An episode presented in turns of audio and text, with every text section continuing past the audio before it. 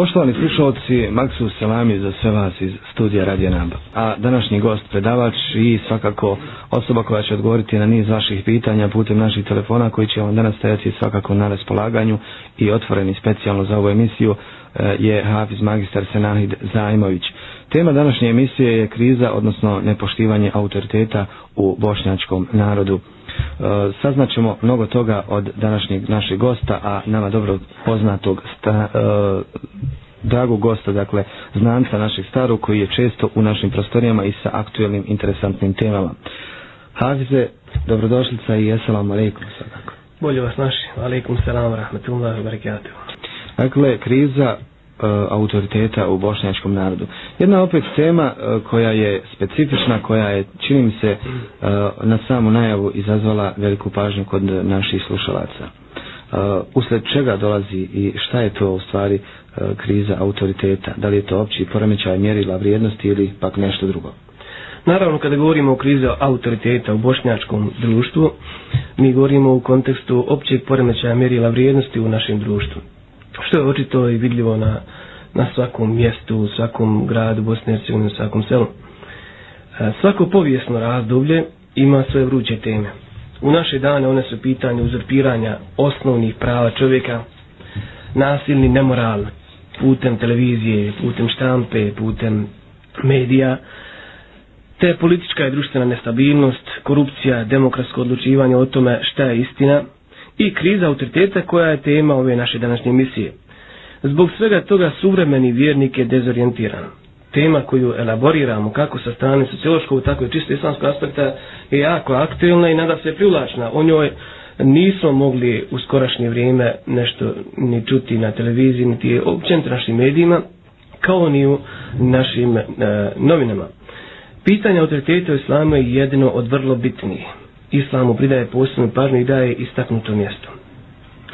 Međutim, govori se o napretku, oslobođenju čovjeka, a istovremeno, istovremeno čovjek je sve više poljuljan i bez čvrstih oslonaca. Zapad svojim kulturnim imperializmom i mentalitetom tržišne ekonomije pokušava donijeti i novi moral u Bosni i Hercegovini. U mentalitetu ekonomskog liberalizma postaje nemoguće predstaviti moral vjere kao razumski opravdan. Predlaže se svrhoviti moral, dobro je ono što je svrhovito, Time je dopušteno sve, pa i nasilja ako dovodi do cilja. Gubijeći svijest, čovjek današnjice gubi i savjest. Došla su loša vremena za dobro. Jedan naš bivši političar bi znao kazati za neke ljude da dobro rade loš posao, dok neki drugi loše rade dobar posao, što je danas i kako očito naročito u politici. Poputali su i raspasli se obzori smisla, smisla se više ne pronalazi, a ako ga se i pronalazi, njega se više i ne traži. Poljuljena mjerila vrednovanja o kojima je u eri subjektivističko, relativistički svačano teško govoriti, najsnažnije se osjećaju u društveno-etičkom životu. Ljestvica vrednovanja poprima svoje dimenzije kakve u određenom času kome trebaju. Takva relativizirana etika izaziva dugi niz pomutnji i nesporazuma od politike do genetike. Čovjek je našeg podneblja još za prošlog režima, mislimo na onaj komunistički režim, odbacio trajne duhovne vrednote i vezove svoj uspjeh isključivo na materijalno. Kriteriji vrednovanja u svijesti bošnjaka prebacio se na stranu posjeda i standarda. Ugasa se sve socijalno-moralne vrednote. Zbog toga o krizi autoriteta moramo govoriti u kontekstu općih poremećaja mirila vrijednosti. Mi živimo u vremenu pomanjkanja svake vrste autoriteta, počeju od autoriteta roditelja u porodci, preko autoriteta učenjaka i muslimanskih intelektualaca, intelektualaca, zatim nastavnog osoblja u odgojno-obrazovnim ustanovama, pretpostavljenih u državnim drugim institucijama i tako dalje i raznim drugih raznim drugim krizama autoriteta koje ovdje nismo spomenuli, a koje ćemo usput toku naše emisije ako bude spomenuti. Da, da bismo možda bolje e, približili ovu tematiku i ovo pitanje današnjice krize autoriteta, e, bilo bi dobro da nam malo pojasnite sam termin, u stvari šta je to autoritet? Autoritet je strana riječ, mi znamo da je to engleska riječ. E, u suštini ona bi e, imala ovo značenje. E, znači ugled, znači uzor, znači vjerodostojnost, znači jamstvo, dostojanstvo, utjecaj što ga netko ili nešto ima ili vrši na drugoga na osnovu poštovanja, na osnovu osvjedočavanja, osvjedočenja, uvjerljivosti, odnosno vjeri. Znači, vjera je jedan bitan segment da bi neko imao autoritet, a uz vjeru idu i sve ovi ostale epitet koje smo mi nabrali. Uspoređujući definicija autoriteta u islamskom poimanju, filozofskom, vidjet ćemo da ona identična, potpuno identična. I ova definicija koju sam navao Eh, je definicija eh, koja se, kako, kako u islamskom poimanju nalazi, tako isto možemo naći u jednom filozofskom poimanju. Eh, autoritet se, naravno, iz definicije vidimo, ne stječe silom, nasiljem i prijetnjom, nego proistječe samo iz snage uvjerenja, iz umnog uviđanja, razvrtog argumenta, neposrednog potvrđivanja na dijelu. Znači, sklad riječi i dijela, ono što fali na mnogim našim nazove autoritetima. Jer autoritet nije nikada sam sebi svrha, niti je usmjeren na to da drugoga učini o sebi ovisnim, nego naprotiv, da od svakog pojedinca učini samostalnu, originalnu i samosvjesnu ličnost, a od društva zajednicu takvi ličnosti. Autoritet se ne smije i ne može nikada osnivati na samovolji, nego na opće prihvatljivim načelima. Stoga je nezamisliv odgoj bez istinskog autoriteta. Autoritet trebaju da imaju roditelji, vođe naroda, odgojitelji, imami i nastavnici i svi oni koji svojim dijelom ili činom ukazuju na nove puteve razvitka i otvaraju nove ljudske mogućnosti. Ukratko, moralni, naučni i opće kulturni napredak omogućen je na osnovu vjerozoslovnosti ugleda i jamstva autoriteta. Znači, nemamo mi napretka, ni, ni jedne vrste napretka bez autoriteta. Ljudi će kazati, pa danas je autoritet ideja. Ideja može biti autoritet, međutim, ko je onaj koji sprovodi tu ideju za, za kojim će se ljudi povoditi? Ideja je bila islam u svoje vrijeme, ali je bio predstavnik islama, autoritet, to jeste poslanik, ali sada Znači, svaku ideju mora biti autoritet u liku čovjeka, ne u liku nečega, nečega drugoga. Da, e, svakako govoreći o samom autoritetu i tako dalje, e, trebamo spomenuti i krizu autoriteta u porodici. Činim se da je to osnovna e, čelija, osnovna jedinka od koje počinjemo i u kojoj e, radimo. Ali imat ćemo prilike da doznamo i o tome još, jel tako? U islamu neprikosnoveni autoritet pripada Allahu Đelešanuhu, vladaru svjetova, gospodaru nebesa i zemlje, onome koji svim upravlja. On je autoritet svih autoriteta. Jeste. Znači, kada govorimo o autoritetima, mi ne možemo i ne smijemo zaobići nikako uzvišenog gospodara svjetova. Znači, on je autoritet svih autoriteta. Od njega počinje sve. Kako on za sebe kaže, malikul mulkim. Kulillahumme malikul mulkim. Znači, malikul mulkim može se, osim prijevoda koji je ustaljen kod nas, znači vladar svih vladara ili vrhovni gospodar, a vrhovni gospodar je i autoritet svih autoriteta. On ga nije stekao, svoj autoritet, već je on sa njim od uvijek. Ljudi ga vole, Boga, jeli? Poštuju, boje ga se i slušaju bez upotrebe sile. Zašto? Zato što on milostivi, zato što on daje i obskrbljuje, zato što on voli sva stvorenja. Vome Allah yuridu dhulme lil ibad, kaže. Allah, ne, Allah nije nepravedan prema robovima svojim. Ili, Wallahu yuhibbul muhsinin. Allah voli oni koji dobra djela čine Znači, Allah šanu je pun ljubavi, Allah šanu daje i zbog toga je on autoritet. On je autoritet koji je ljudima podredio sve na nebesima i na zemlji. On daje autoritet kome on hoće, a oduzima ga od koga hoće. Kaže se u kuranskom ajetu, Kulillahumma malikel mulkin o gospodaru svih vladara, o autoriteta svih autoriteta, ti autoritet, to izu men teša, o to zilu men teša, ti autoritet kome hoćeš daješ, a oduzimaš ga od onoga od koga hoćeš. Ti daješ autoritet kome ti hoćeš, a onoga koga hoćeš unizuješ. Znači, e, suprotno autoritetu jeste jedno poniženje, jeste e, iskompromitovana osoba koja nema ugleda, koja nema vjere, koja nema praktičnog autoriteta. Posle uzvišnog gospodara svjetova, najveći autoritet svih vremena jeste poslanik alaih sada selam, čiji je autoritet potvrda prijetodno spomenutog ajeta, jer Allah daje autoritet, kažemo u kuranskom ajetu, a ne ljudi sami od sebe, i to na osnovu kriterija koje je spostavio uzvišen gospodar. Znači, autoritetom se ne može postati, postati na osnovu, e, na osnovu e, tvoje ličnosti, na osnovu tvoje škole ili diplome. Autoritetom se ne može postati na osnovu političke funkcije. Autoritetom biva osoba E, koju je Allah Žešanhu dadne autoritet. Shodno e, nekim hadisma kojima se govori koga Allah Žešanhu zavoli, učini da ga ljudi zavole. Znači ljubav dolazi a, e, a, kao posljedica slijedjenja onoga što je rekao uzvišnji gospodar svjetova. Da, to su divni primjeri, divan putokaz, međutim, to ljudi najčešće zloupotrebljavaju. Jeste, ljudi to zloupotrebljaju i onda zbog toga imamo tiranina, diktatora, e, ljudi koji smatraju da, da svojim ugledom e, da svojom jednostavno funkcijom, da svojom vlašću može da postaje autoritet. Mi ćemo o tome govoriti kada budemo govorili o, o krizi autoriteta među političkim onaj, predstavnicima i vojnim. Pa možemo spomenuti konkretne slučajeve e, kada se govori o ljudima koji su pogrešno shvatili autoritet i iskoristili povjerenje svojih masa.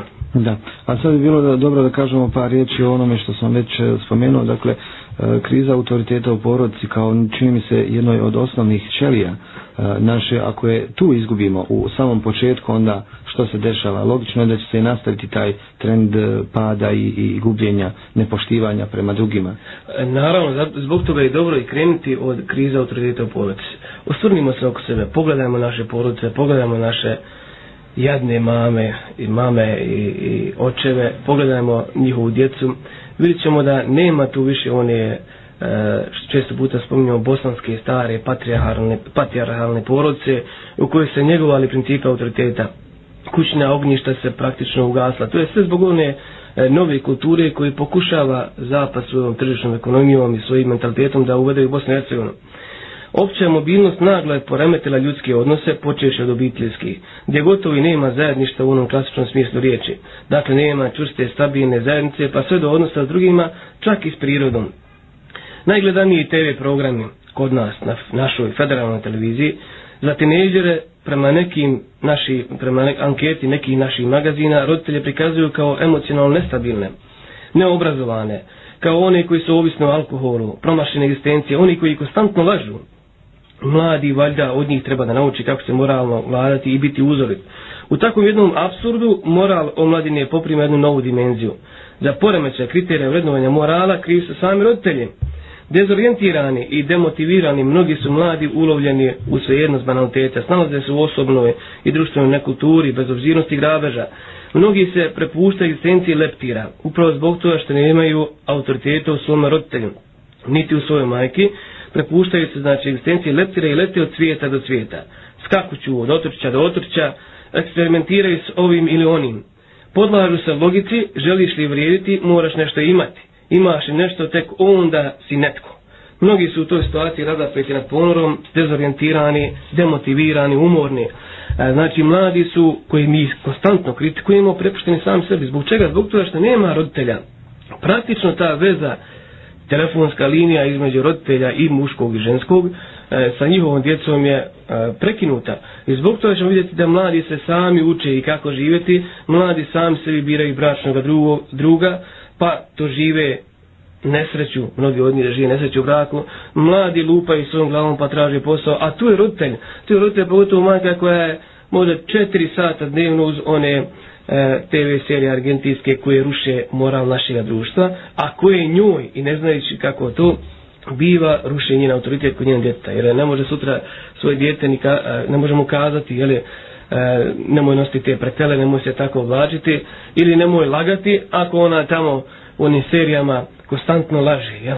Ne može činiti e, zinalkom, činiti bluda ako mati to gleda i često puta i zaplače, jel što ona tamo leticija stalno u onoj Mariji, u onoj prošloj jednoj seriji, jel, ostalo nam je u sjećanju, ne zbog toga što gledamo, nego ostalo u sjećanju po priči drugi, E, što je čini zlo, jeli? I onda tu sažaljeva majka to, dok njeno djete ono može upasti u krečnicu, može upasti u srpsku jamu i tako dalje, jel? Ne vodi brigu o tem. I dolazi djete, dolazi djevojka koja hoće u disko, dolazi mladić koji od nje čeka da, da se završi na serija, da bi uzeo pet maraka, da bi on mogao izaći negdje na večer. I gledaj tu svoju jednu majku. Oca tu nema. Otac je najrotniji na poslu, on nema kada da vodi brigu o svojoj djeci, tako da kasnije će taj isti otac tražiti, jel je, kad djeca odrastu, želeće da, da pomilje svoje djete malo po glavi, želeće da popriča sa njim, međutim, ta će ga sin izbjegavati, kojeg je on izbjegavao dok je bio mali. znači, sve su to problemi koji, koji su posljedica ove, ove krize autoriteta u porodci. Razmišljajući, razmišljajući o uzrocima takvog stanja, na umi padja poslaniku hadis, ali salatu wasalam, u kome on kaže, svi ste vi pastiri i svi ste odgovorni za svoje stado. Imam je pastir i odgovoran je za svoje stado čovjek je pastir svoje obitelji i odgovoran za svoje stado.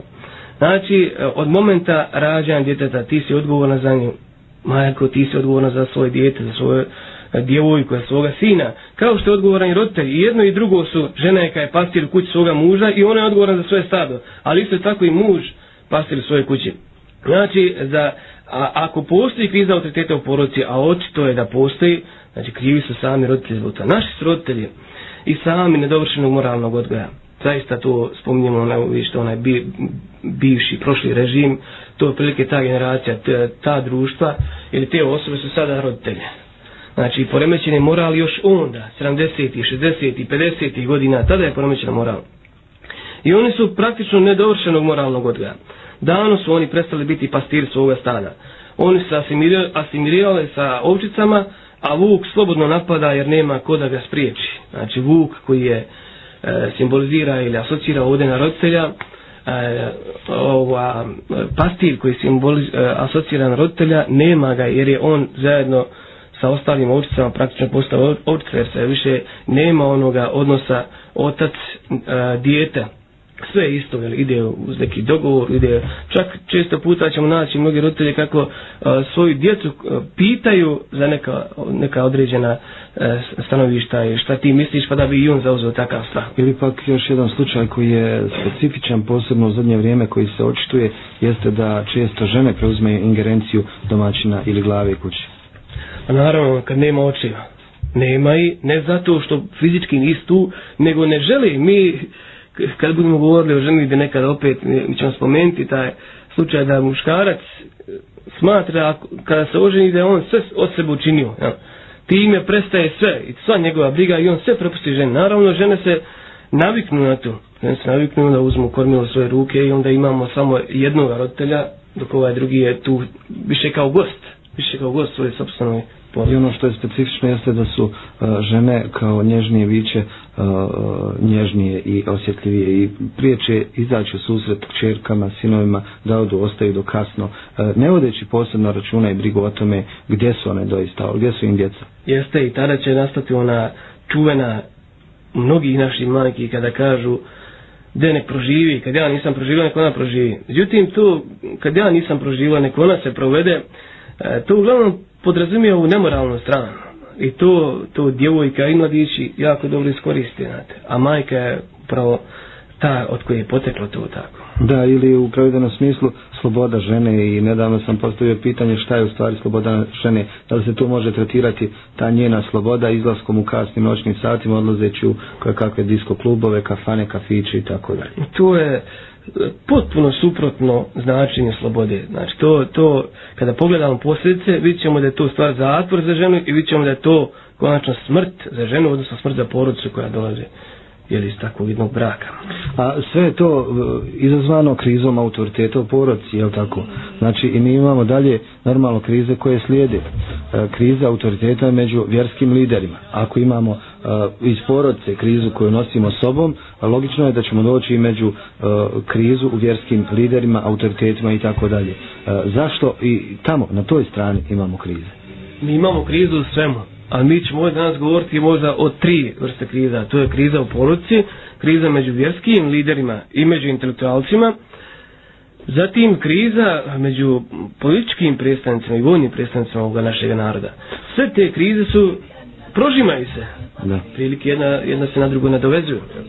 Da. Sada bi nešto kazali o ovoj krizi autoriteta u među vjerskim liderima našim odnosno i među onim intelektualcima, našim predstavnicima, muslimanskim predstavnicima bošnjačkog naroda, bilo to književnici, bilo to čisto naučni radnici. Pitamo ćemo kazati da svjesni smo da ovo nije period Mehmeda Spahe, nije period Mehmeda Hanđića i Safet Bega Bašagića, koji su slovili u svoje vrijeme kao istaknuti autoriteti i danas tako slovi. Današnji muslimanski predstavnici su pred sekularizmom, pluralizmom i gubitkom vrednota i sam postali neotporni. Uočeni pluralizam, sekularizam i relativizam vrednota ostaje za njih opasnost i izazov. Vjerski autoriteti su danas, htjeli mi to ili ne, na razne načine potisnuti na rub. Podložni su kritici s utemeljenjem da se premalo osvrću na čovjeka očekivanja, da svoje djelovanje i odluke premalo utemeljuju, da je njihov govor zastario, da se previše drže krutih normi i jako je ovo očito kod nekih krugova, da su prema ljudima autoritarno nepomirljivi. Jednostavno, da jedno govori, a drugo čini. Ulema ili učenjaci ili intelektualci u vrijeme kad se živilo za islam, a ne od islama je svojim vlastitim primjerom najviše govorila.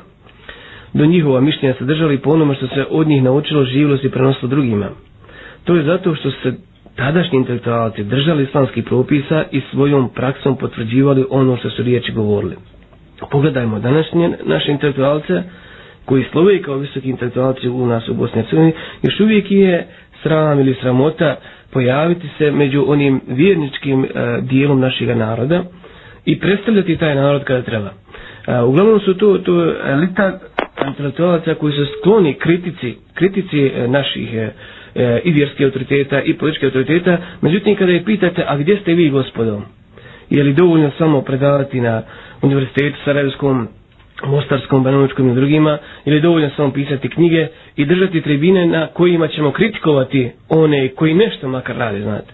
E, tako da e, tu, ta e, elita ili ta grupa intelektualaca su e, u jednom, naši su u jednom teškom stanju, znači imamo, imamo riječi, riječi imamo dijela. Postoji jedan nesklad tih riječi i dijela. E, ondašnji intelektualci, oličeni e, prije svega u imamima našim velikim, ondašnji intelektualci oličeni u, u velikim autoritetima, bošnjacima, e, su bili ugledni jer im je Allah dao taj ugled. Kao što smo vidjeli u kuransku ajatu, kada Allah šalno kaže Jerfa Allahu ladina amanu minku wa ladina utu ilme deređat, kaže Allah će na visoke stepene uzdignuti one među vama koji vjeruju i kojima je dato znanje. Znači, jednom Ebu Hanifi, recimo, Maliku, Šafi, Ahmed ibn Hanbal, nije ugled podizala doktorska diploma, niti političkim putem steknuta funkcija, jer da su ga tako stekli njihov otritelj bi davno izlapio.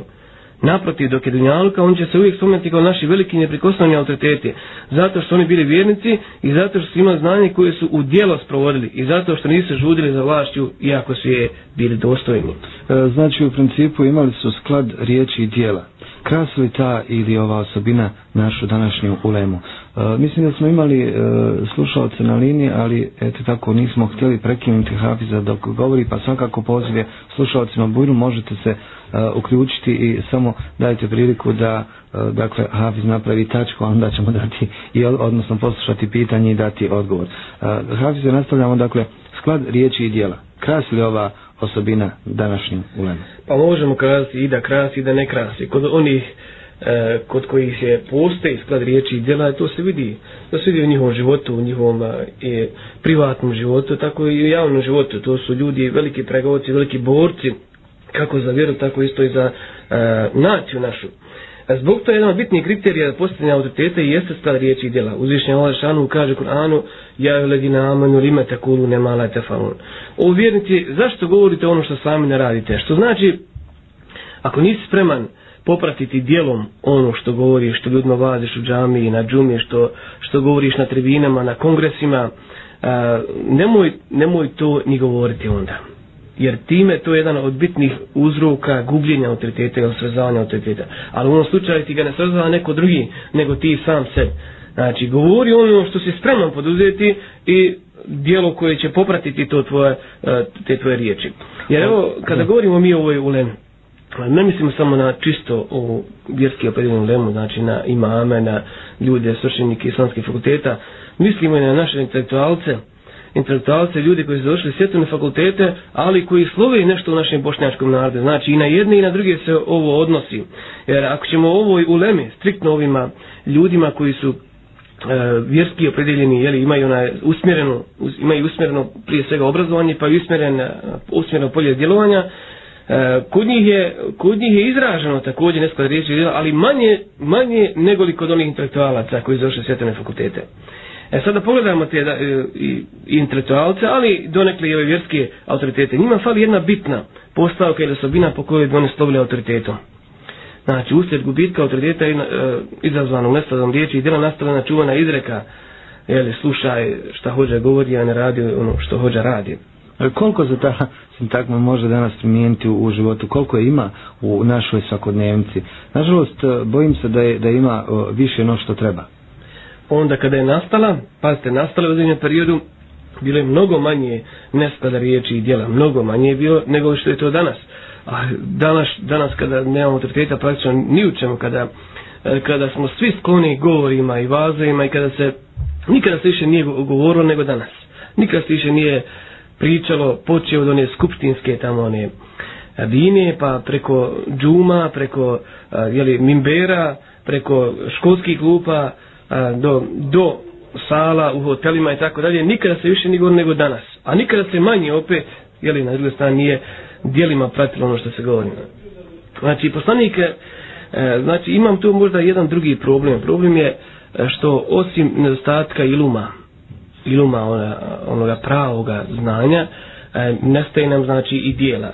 Jer da postoji onaj pravi ilum, da postoji prava ulema, postala bi i dijela koja prate taj ilum koji oni širi među našim narodom. Poslanik ali se nagovijestio da on je rekao je od preznaka sudnjeg dana je uzdizanje znanja, ustoličenje neznanja, pijenje alkohola i širenje zinalka. E, kada su ga pitali jednom kako će to doći do uzdizanja znanja, kako će nestati znanje, a proširit će se neznanje, on kaže uistinu Allah neće podići znanje od jednom od ljudi, nego će znanje podići uzdizanjem učenjaka. Znači smrću učenjaka nestaje i toga znanja. A kojih učenjaka? U pravom smislu riječi učenjaka, oni koji, znači, koji su govorili i radili ono što su govorili.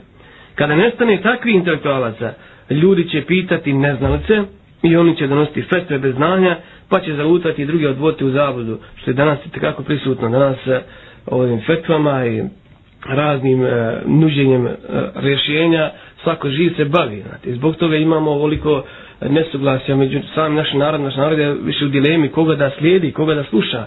Upravo zbog toga što je sebi daje za pravo da sve izdaje svako, e, svako bio, bio stručan ili nestručan.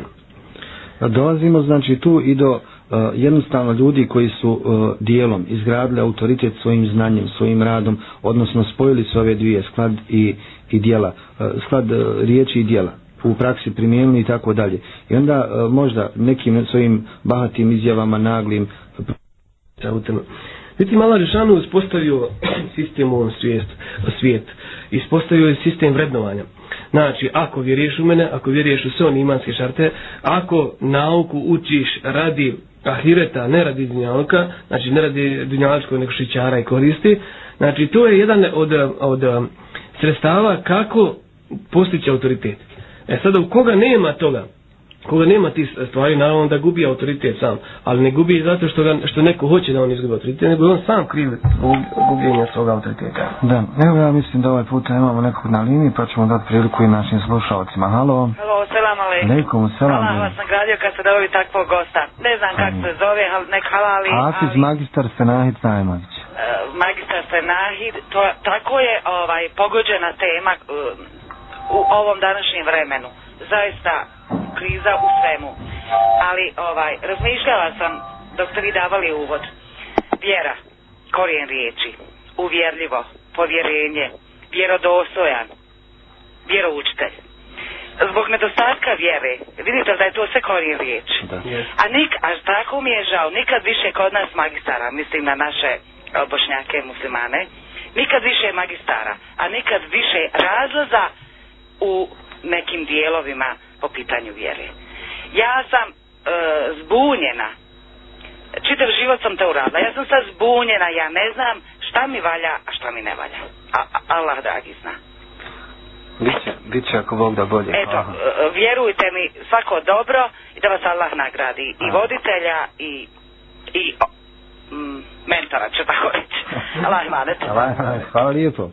Hafize, evo, pozitivne kritike i ja znam da je sa vama radijeći uvijek e, aktualna tema, uvijek e, tako praktična, tako realna. Ono što nam nedostaje upravo možda one sitnice kako se usmjeriti, kako vratiti taj poljuljani ugled, možda izgubljeno samopoštovanje, samopovjerenje i tako dalje. Mi smo malo prije spomenuli neka sredstva kako taj ugled i povjerenje, odnosno autoritet povratiti. E, ova sestra naša jako dobro povezala sve one sinonime koji upućuju na jednu riječ, a to je vjera. Znači, od vjere se potiče. Što se će kazati? Intelektualac čovjek, ukoliko želi biti danas u pravom smislu riječi intelektualac, znači da svoj intelekt koristi za dobro čovjeka, da je svoj intelekt oplemenio vjeru. Tu intelektualac, ona je ona osoba koja ima informacija u svom mozgu, koja je stekla informacije i koje narod zove intelektualcima zato što on više zna nego obični narod, a koji je e, praktično posvađao se sa Bogom. E, za njega će mnogi kada to je intelektualac, jer nije uspio, nije svoj intelekt iskoristio u ono što mu ga je Bog dragi podario. Taj intelekt, odakle mu? Intelekt mu nije sam sebi ga stvorio, niti njegova majka ga njemu stvorila. Majka je bila sredstvo rađenja tog jednog intelekta. Allah Žanu e, mnogo ajeta spominje o, o intelektu, spominje o razumu, spominje o tome da e, kada govori o dokazima postojanja svoga, govori da dokaz je u planinama, dokaz u rijekama, dokaz u vjetru, dokaz u raz, ali za koga? Kada je za oni koji imaju intelekt, za oni koji imaju razum. Što znači da bi danas, današnji intelektualac mora, ako hoće da bude autoritet, mora imati i vjeru uz ovo bošnjaštvo, koje je svakako bitan segment, e, ako je sporedan u odnosu na, na, na vjeru, vjera je uvijek u nas prednjači, jel?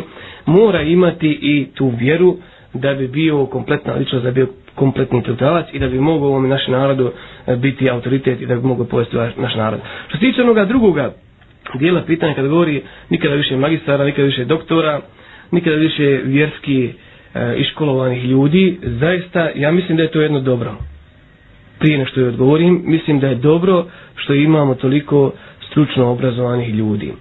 E, ako ništa drugo, ako nikakve druge nema nema koristi od njih, makar imaće oni sami od sebe koristi, jel? imaće za sebe, za svoje poruce, znači imaćemo e, već, e, e, imaćemo veći broj vjernika, imaćemo, ako bude to je garant za, za odgoj budućih pokoljenja. E sada što postoji toliko različitih mišljenja? Pomeni jedan od velikih razloga jeste različite mjesta školovanja, različite destinacije. Ja sam školovao se u Jordanu, ona je u Saudiji, ona je u Iranu, ona je u Tunisu, ona je u Emiratima i tako dalje. To kada dođe, svaki od nas je, činjenica, svaki od nas je poprimio nešto iz onoga mjesta u kome se školovao. I to je neko od nas dozvolio da to utiče na njega, pa je usmjeren u jednom pravcu, neko je sebi dozvolio da ipak bude slobodno, da slobodno razmišlja, pa je uspio izgledati sam svoj neki stav i on taj stav čvrsto drži ovdje. Dok onaj koji je došao recimo iz jedne zemlje u koje možda uh, nije imao mogućnost da sam uh, stvara svoje mišljenje o podređenim pitanjima, naravno da će teško snaći u ovoj Bosni i Hercegovini. E, e, I sada shvatam naš narod kada ne ilazi na takve probleme. I zaista to je jedan veliki problem koji tekako kako na to da se autoriteti ruše. Jeli, ja znam više od onoga drugoga ja kada čujem da on nešto rekao, jeli, e, drugačije nešto ja mislim da će kada taj, taj je e, u krivu ili nije potrefio i tako dalje i automatski ili, ili nesvjesno rušim njegov autoritet među našim narodom. Posavjetao bi naš narod da e, znači nađe sebi osobu nađe sebi osobu koja ima one komponente koje sam spomenuo. Znači prije svega vjera, izražen intelekt, e, zatim osoba koja praktikuje ono što govori, zatim jedno veliko iskustvo. Ne može se onaj ući u izdavanje fetvi odma prva godina fakulteta, druga godina, ili čak i samo završavanje fakulteta, nije to možda dovoljno da bi čovjek se počeo baviti fetvama i odma. Treba poštovati naše alime, prijašnji poput Mehmeda Hančića koji ja ovdje spominjem, koji nije žurio izdavanje fetava, a kada se osvrnemo na njegove fetve, vidjet ćemo da je potrefio, 99% je potrefio. I imamo mi još uvijek živih ljudi među nama koji su ljudi sa bogatim iskustvom, koje mi ne možemo kazati, slušajte, e, vi, vi niste bili u arapskom svijetu ili vi ste zastarli ili e, danas je drugačije vrijeme, mi ćemo mladi izdavati fetve, a vi nemate pojma, znači to je ona, i tekako utječe, kako je osjetljivo kod ovih ljudi i naravno doći do na svađa među nama i onda kada naš narod vidi da se mi svađamo, onda kazat će pa biž nećemo nikome da slušamo. Onda. Koga ćemo slušati, ako se oni ne mogu između se dogovoriti. Eto nas opet na onoj početnoj, slušaj što hođa govori, a ne radi što hođa radi. Jel tako? Dakle, završavajući fakultet smatram da se tek otvaraju vrata nekome da bi sticao znanje, a onda nakon e, vremena kad to sve sazri, jer treba vrijeme da prođe, da sazri u glavi fino da to stvari, jel? pa da onda može i naglas to kazati. Jeste, svi mi korigujemo svoje stavove. Zbog toga je, što kaže naš narod, dobro nekada pust nek prenoći. Ne moramo žurti sa iznošenjem stavova, pustimo neke stvari nek prenoći, nek malo vremena prođe, pa onda jer doće do bolje da korigujemo stavove a nismo iznili pred narod, nego i korigovati kad su već iznešene, kada već narod pokupi to. Kasnije rušimo sam sebe autoritet. Narod će kazati, eno ga jučer govori onako, danas govori ovako. Znači, mijenja dres. Mijenja adres ili mijenja lice i tako dalje. Da. Znači sam narod, samo bi ovo htio da završim, ne kažem da narod treba da da prepozna u osobama e, ko je onaj koji prije svega kada govori, govori iskreno, govori iz srca i govori nadahnut vjerom o određenom bilo to fikskom pitanju, bilo akadijskom pitanju, bilo kojem pitanju iz vjerujem, zatim da, da to da, da obavezno traži od toga koji mu izdaje fetvu na osnovu čega je donio tu fetvu. Odakle mu dokaz, ako treba i dokaz, ili ima tu u nekoj knjizi, ima, ima znači osnovu za ono što govori. E, danas e, čini mi se, jel, e, na početku Hafize govorili ste nam o tome da čini mi se dinamika života, ubrzana dinamika dovodi nas u razne situacije, zgode ili nezgode, da čovjek u dilemi ono, traži brz odgovor da bi išao dalje, prešao neke prepreke. Jednostavno pozove se na prvu osobu na koju najiđe, prihvati zdravo za gotovo, to je to, ide dalje. Da li imamo nekog na telefonskoj liniji? Halo? Halo, da li se čujemo? Ne, nažalost, ova veza je pukla. Znači, tražeći to, jednostavno e, pokupi prvu, prvu fetvu koju dobije i ide dalje. Ali, ovdje je jedan veoma bitan segment, nadam se da ćete nam govoriti i o, u tom pogledu daleko više, ali evo ja ću samo da vas podsjetim, možda usmjerim ka tome da idemo uh, imamo divan primjer u poslaniku sallallahu alejhi ve sellem koji je bio i vojskovođa i političar i otac i muž i mnogo toga je l' tako? Kako je poslanik sallallahu alejhi ve sellem gradio svoj autoritet?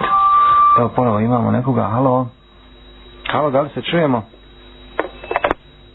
Nažalost sa ovom vezom nije baš nešto sve u redu. Da. Uh, znači tražit ćemo odgovor kod našeg gosta Hafiza magistra Senahida Zajmovića. Kako je poslanik sallallahu alaihi ve sellem gradio svoj autoritet poslanik sallallahu alaihi wa sallam je neprikosnovni naš autoritet. E, nakon Allah Žešanuhu e, jedini e, pravi autoritet predstavnik na zemlji jeste bila osoba u oličenom poslaniku ali sada se na poslanik je bio izraziti i očit primjer kako osoba postaje autoritetom, kako ga zadržava i kako mu niko ta autoritet ne može srozati, e, ne može mu ga jeli, na neki način uništiti ako, ako to neće uzvišnji gospodar svjetova. On je vjerovao u njega, on je učio i nauku tražio i druge poučavao, on je u dijela sprovodio ono što je govorio, on je bio i političar i vojskovođa kao što kažete i, i bio je veoma veoma pažljiv muž, veoma brižljiv muž i otac a, i veoma dobar susjed. Znači sve one, E, sve one najljepše epitete možemo pripisati i ostaje autoritet upravo zbog toga. Voljeli su ga oni u Meki, ali i oni u Kini. Slušali su ga i stidjeli se, pokovaravali su mu se i bili spremni za njega dati svoje živote i žrtovati i roditelje. Pazite koji je to autoritet bio. Imamo li danas tako autoritet? osvrnite se oko sebe, niko nije spreman za tebe žrtvovat nešto. Čak i za najveće autoritete o kojima mi govorimo, nema, nećete naći čovjeka na zemaljskoj kuli koji će kazati ja bi za njega život dao, osim ako mu je uperen pištolj. U poslanikovoj kući danima se nije naložila vatra, jer je opće stanje umeta bilo takvo. Što znači, ako nema moj narod, ako nema i bošnjaci, ako nema izbjeglice, a ja koji predstavljam, neću nija imati. Čak i ako imam priliku da imam, neću imati e, e, zbog čega ispoštovanja prema tom narodu i iz jednoga želeći se sa njima solidarisati. Poslanik je bio skroman, nije gomilao više nego što mu treba, nije za sebe odvajao svake donacije. Evo, znači sve što spominjamo, znači to je ujedno i sredstvo za postizanje autoriteta kao što je sredstvo za srazavanje autoriteta. Poslanik, znači, imao je priliku kao državnik, kao vojskovođa, kao uh, vodio je jednostavno islamsku državu, imao je priliku da, da sebi namakne sve one dobrovoljne priloge, zekat, kako hoćete, jeli, kao što se imao to prilika sad. Međutim, to nije radio. I zbog toga je ostao e, uh, utjecajan, zbog toga, zbog toga je ostao autoritet do sudnjega dana, ako bude. E sad pogledajmo one koji sebe smatraju autoritetima ujedinjavačkim, kada bi dođe neka donacija, jeli, za popravku kuća, za asfaltiranje, pa uvijek se tu malo namakne naš. Neće niko primijeta koja 100.000 maraka se stavi u džep, jer ima tamo 2-3 miliona, šta je to 100.000 maraka odnosno 2-3 miliona. E, međutim, e, e jeli, nikad se ne može sakriti od ljudi. Kad tad procuri? I mi vidimo, evo, ljudi budu na vlasti, podo sa vlasti, pa se tek onda onaj njihov prljavi veš iznosi pred narod. Poslanik Ali sam se nije razlikovao od ostaloga naroda. Zbog toga je njegova riječ plijenila srca ljudi. Nije pravio ni klasne, ni rastne, ni spolne razlike među svojim sredbenicima. Zbog toga mu nema tremca među vladarima današnjim. Današnji vladari će, a, ako je u Južnoj Africi, napravit će razlike, jer sjećamo se onog apartheida i, i svih onih e, kriza, Znači, pravi se razlika još uvijek u ovom savremenom modernom koji sebe naziva civilizovani svijet, pravi se razlika među crnima i bijelima, među žutima, među arapima i nearapima. Pa ćemo u Americi koja je simbol demokratije ili naći reklamu na televiziji prije nekoliko godina e, kada reklamiraju sapun obični, pa tamo su doveli Arapa i navodno nakon što je jeli, sapun ga oprao, on je postao bijel. Pa onda onaj koji reklamira sapun kaže evo vidite čak pere i Arapa znate. to je demokratija to je i hoće, hoće da bude autoriteti ne može, može biti samo diktator poslanik je u ratu štitio starce žene i djecu iako su bili na protivničkoj strani pazite znači nije kao što mi mislimo mnogi, mnogi mi kada kažemo ma ubija se živo jel? poslanik to nije radio njegova vlast i vlast njegovih halifa nikada nije mogla dobiti totalitarni kurs, nikada nije mogla biti režimska, kao što je to slučaj kod samozvanih autoriteta danas. Svi nasljednici njegovi su slijedili kurs koji je trasirao poslanik i zbog toga su imali autoritet među muslimanima i zbog toga će njihov autoritet ostati neupitan do sudnjega dana. Da. E, interesantno je još e, jedno poređenje ovdje koje je u našoj svakodnevnici opet prisutno, vezano opet za autoritete ako u ne, na nekom području na nivou e, mjesnih zajednica, općina, kantone i nečega, imamo čovjeka koji možda e, odskače e, u svojim kvalitetima i, i već izgrađuje jedan autoritet prirodni i tako dalje, e, biranjem na neku funkciju tog čovjeka, ima podršku određenog broja ljudi. Ono, onog, momenta kad je izabran u na tu funkciju, odmah rađaju se one kontraproduktivne priče. Lopov je, znamo i babu isti je koji on, lopov i ovo i tako dalje. Što se to dešava kod nas? Ja mislim da je glavni uzrok zbog opće poremećaja mirila vrijednost koje smo na početku naveli. Znači vrijedan je kod nas ko? Onaj prvo koji ima dalje onaj koji ima vlast, onaj koji ima školu, koji ima fakultet. E, imao ti vjere ili nemo, e, na Allahu na srde bio i dan i noć, nisi vrijedan osim ako nemaš ovo ovamo. Kad se radi tom nasilnom sazdavanja autoriteta, mi to o njemu možemo govoriti u kontekstu ove krize autoriteta među političkim i vojnim predstavnicima. E, I oni su sami krivi.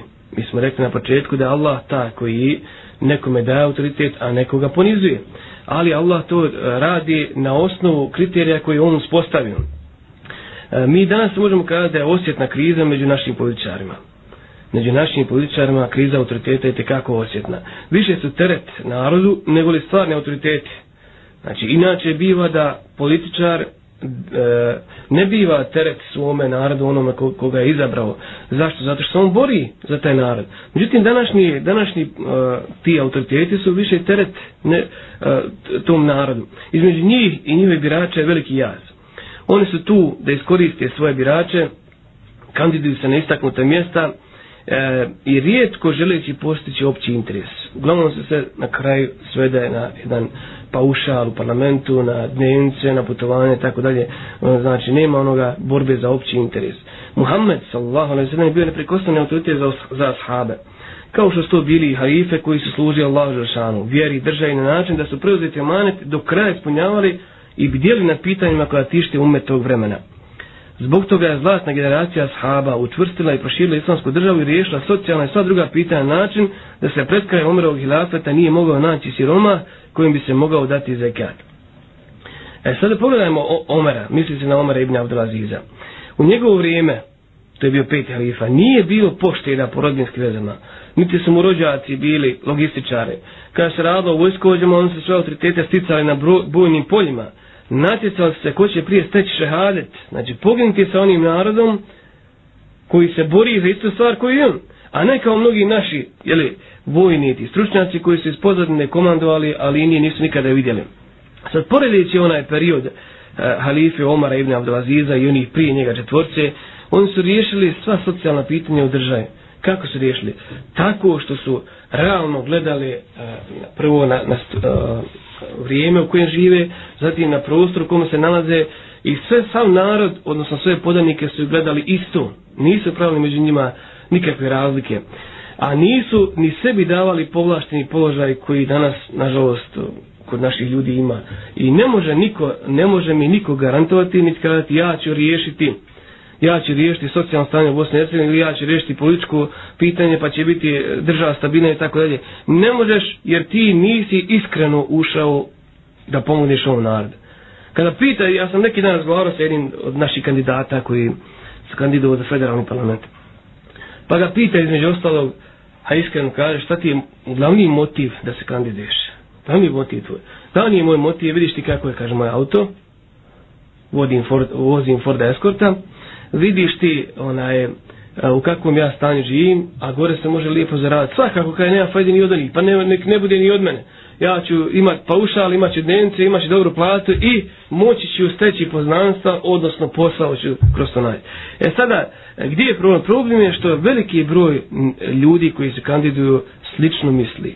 Kako ćemo onda govoriti o rješenju socijalnog pitanja, e, ekonomskog stanja u državi, teškog vojnog stanja i tako dalje, ako ljudi su zabavljeni sobom, isti oni ljudi koji treba to da odrade, misle samo na sebe.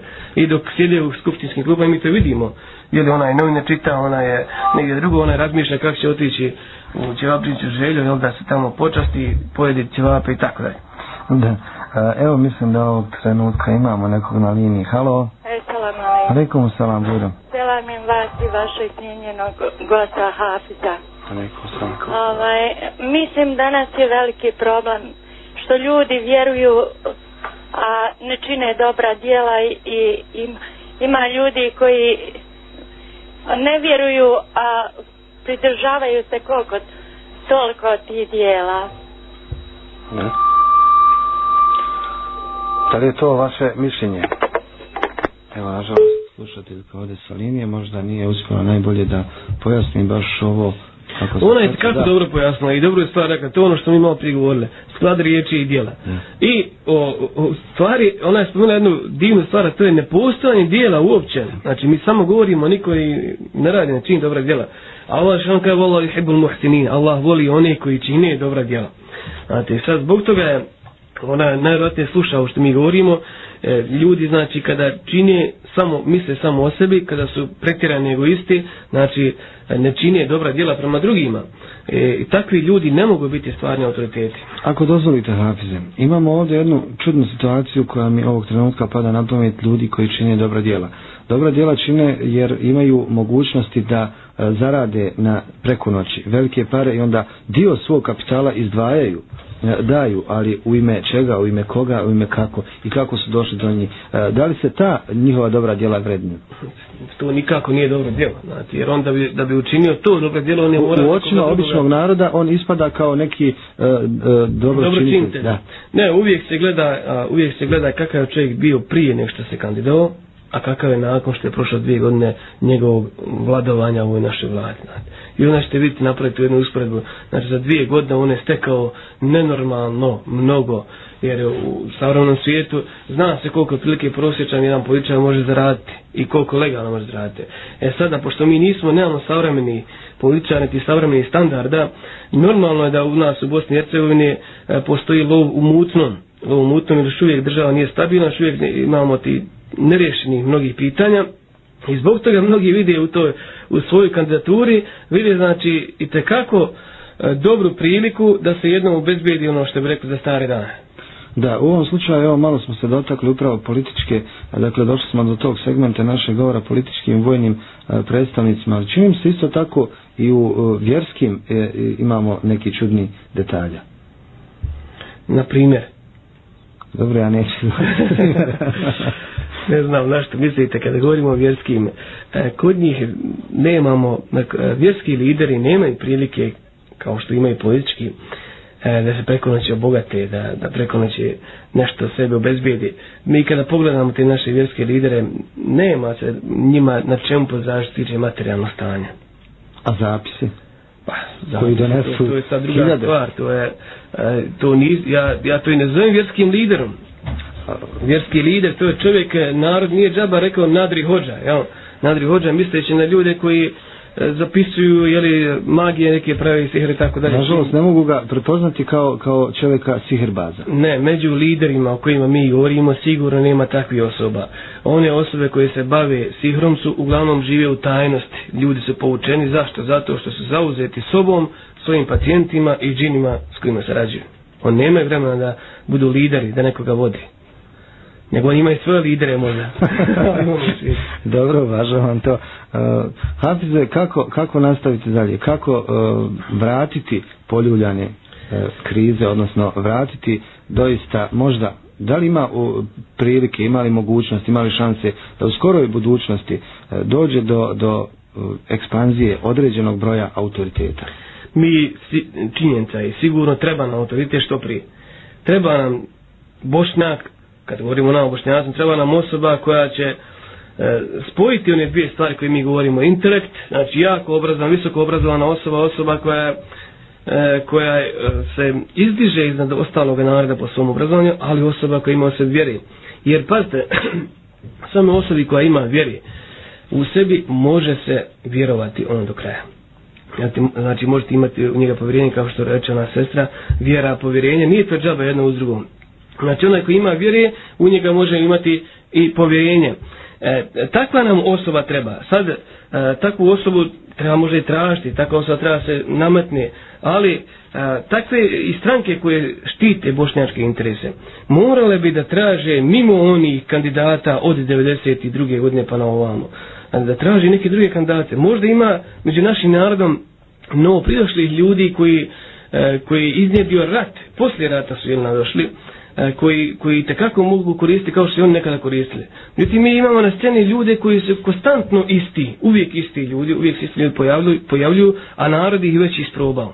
Naravno, takvi ljudi ne mogu, jer u, e, ukisala se ta i njihova politika i ta, a, prošlo je, prošlo je vrijeme ih je pregazilo a neće da zavire, možda mi sobom imaju nekoga talenta, možda mi sobom imamo lidera o kojem mi govorimo već raz.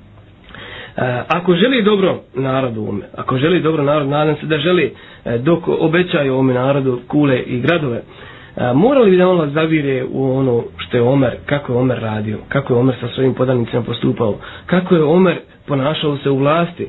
Omer se brinu, Omer radi Allah, on se brinu da obavezu koju je preuzeo na sebe dosljedno ispuni. I onda kad su muslimani bili dosljedni nosioci islama, isti se suprostali Perzijskom i Rimskom carstvu. Pazite, Perzijsko i Rimsko carstvo simbolizira dvije najveće države. Kao danas možete kazati Rusija u onom svom nekadašnjem značenju i Amerika. A, tadašnja muslimanska vlast bila je sposobna i kada da im se suprostavi. I pobjedili su i Rimsko i Perzijsko carstvo. A, kako i ne bi? Kako i ne bi pobjedili kada je u to vrijeme bilo vladara koji su brinuli o svemu? kao što je Omer koji kaže, pogledajte ovog primjera, ako mazga slomi nogu u Iraku zbog lošeg puta, bit će pita na sudnjem danu svojeg gospodara šta si radi Omer. Omer se, znači, brini o mazgi. Brini se, ako mazga slomi nogu zbog lošeg puta, boji se će biti pitan sutra pred uzvišan Allah Žešanuhu što si Omer, šta si radio, što nisi napravio put. E sada, e, pokušajmo to praktikovati na ovoj našoj današnjoj situaciji. U nas hađije ginu zbog lošeg puta, jer na onom zlom brijegu, u nas ljudi e, saobraćaj nesreće sve jedna za drugom zbog loših puteva niko se ne brine o onim biračima pogledajte našega kandidata Treba mu nared kada ono do onda dok on ne sjedne u skupštinsku klubu posle toga on zaboravi narod do sljedećih izbora po, na sve, pred sljedeće izbore ponovo će obići taj narod ponovo ćemo a, e, obećavati, lagati pri tome i tako dalje. Zašto lagati? Zato što je dokazano, jel, da ne mogu, i sami sebe lažu, ne mogu sprovesti u dijelo sve ono što obećaju tom narodu. Znači, Omer se brinuo da obavezu koju je preuzeo na sebe dosljedno ispuni. E, pa je ovim svojim riječima pokazao dimenziju savjesnog vladara. Kada je njegova briga o životinjama bila ovakva, kakva je tek bila briga o ljudima? Ko se danas brinuje ovdje u Bosni o ljudima? Jučer čovjek dolazi iz Doboja, zahvalio Allah što uspio vratiti stan, I on je dom zaboju, međutim sada kaže od čega će živjeti od have. Nema posla, nema ničega, niko se ne brine. E, kada priča s Srbima, kaže ko te cijelo da ideš ovde. Kada priča sa ljudima iz federacije, kaže ko te cijelo da ideš njima dole. E, tako da lju, čovjek je ni na nebu ni na zemlji. Ali Omer je kao halifa zbog toga smio spavati u hladovini drveta. Ne boji se za svoju sigurnost i nije imao tjelesno obezbiđenje niti alarm u svojoj skromnoj kući.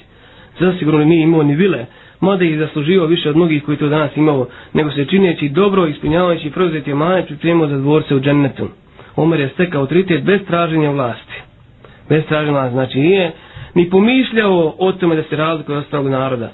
Nije pomišljao o okonjama koje danas vidimo na našim ulicama, kako se šepu u Audijima, o tome kada jedan političar nailazi pa pratnja iz prijeda i sa zada, boje se, čega se boje? Ako je ispravno radiš, ako je u redu, a, ako si iskren u tome da pomogneš ovaj narod, ti se ne možeš, ne trebaš bojati toga naroda, jer ti njemu pomažeš. E, možda je jedan od problema zato što danas nemamo e, vrlo rijetko ili skoro nikako individualno pojedinačno odlučivanje o nekim bitnim stvarima, sve je to više zasnovano na kolektivnom upravljanju. Može biti to problem, međutim, e, nije to suštinski problem. Suštinski problem je po meni što, e, što na vlast dolaze ljudi koji žude za njom. Koji žude za njom, znači žele tu vlast. A opće pravilo je, opće pravilo islamu da onaj po hadisu koji želi i žudi za vas, ne daj mu tu vlast. Ne daj mu na vlast, ko šta će i on kom, kom dozvoli. da li imamo nekog na liniji? Halo? Nekomu salam, Bujno. Ja bi zamola vašeg uvaženog gosta da malo pojasni, jer sam redovan slušalac nabi. Često puta, puta bude predavanje, ne treba učiti mrtvim, ne treba hat mučiti. Ja sam starija žena, kako znam za sebe, bila sam mala kad mi otac umru svaku učpetka, petka, uč rahmetli mati nam je rekla, hajte djeco, oci preučite. A sad čovjeka dovedu, ne treba terhide, pa sad sama, ne znam, ili bi ostala pri onom što sam naučila, ili bi sad ovo drugo prihvatila. Hvala lijepo. Eto, za mola i da vas Allah nagradi. Amin, i vas također. Allah, Allah, Allah, kako ovo sad protumačiti? Autoriteti su bili otac i mati ono vrijeme o čemu ste i vi govorili na početku patriarhalni odgoj u porodici, jel tako? Kazali su učiti što da se činiti. Malo ćemo se možda daviti trenutno naše teme, ali opet tu je negdje veza na segmentima. Mi, ja bih svakako posavjetovao našu našu nanu, ova koja nam se javila, da, da ona nastavi sa onim što je naučila od svojih starih da radi. Da nastavi. Međutim, treba razjasniti ovdje kada su naši stari govorili našim roditeljima, treba učiti svojim mrtvima. Šta se podrazumijeno putim što treba učiti? Da li učiti dovu ili učiti jasinu, učiti hatme? Znate, ja, ja, to mi još nikada niko nije protumačio. Šta znači ta riječ treba učiti mrtvima? U mrtvima svakako treba učiti, ali šta? Treba do upućivati. Poslanik ali sa sram nas je naučio da i kod same dženaze i kada se kopa onaj, da molimo Allah Žešanu, da činimo da dignemo ruke prema Allah Žešanu i molimo ga da oprosti onome dole. Zašto? Zato što on sada trenutno ispituje u kaboru. Znači, trebaju, nam, trebaju mu naše dove. A, a i, i u svakodnevnom životu treba učiti, treba dovu činiti i onome koje je živ, ne samo mrtvome. Znate gdje je problem? Problem je kada mi su svoju energiju trošimo na mrtve, a mrtvi već otišli.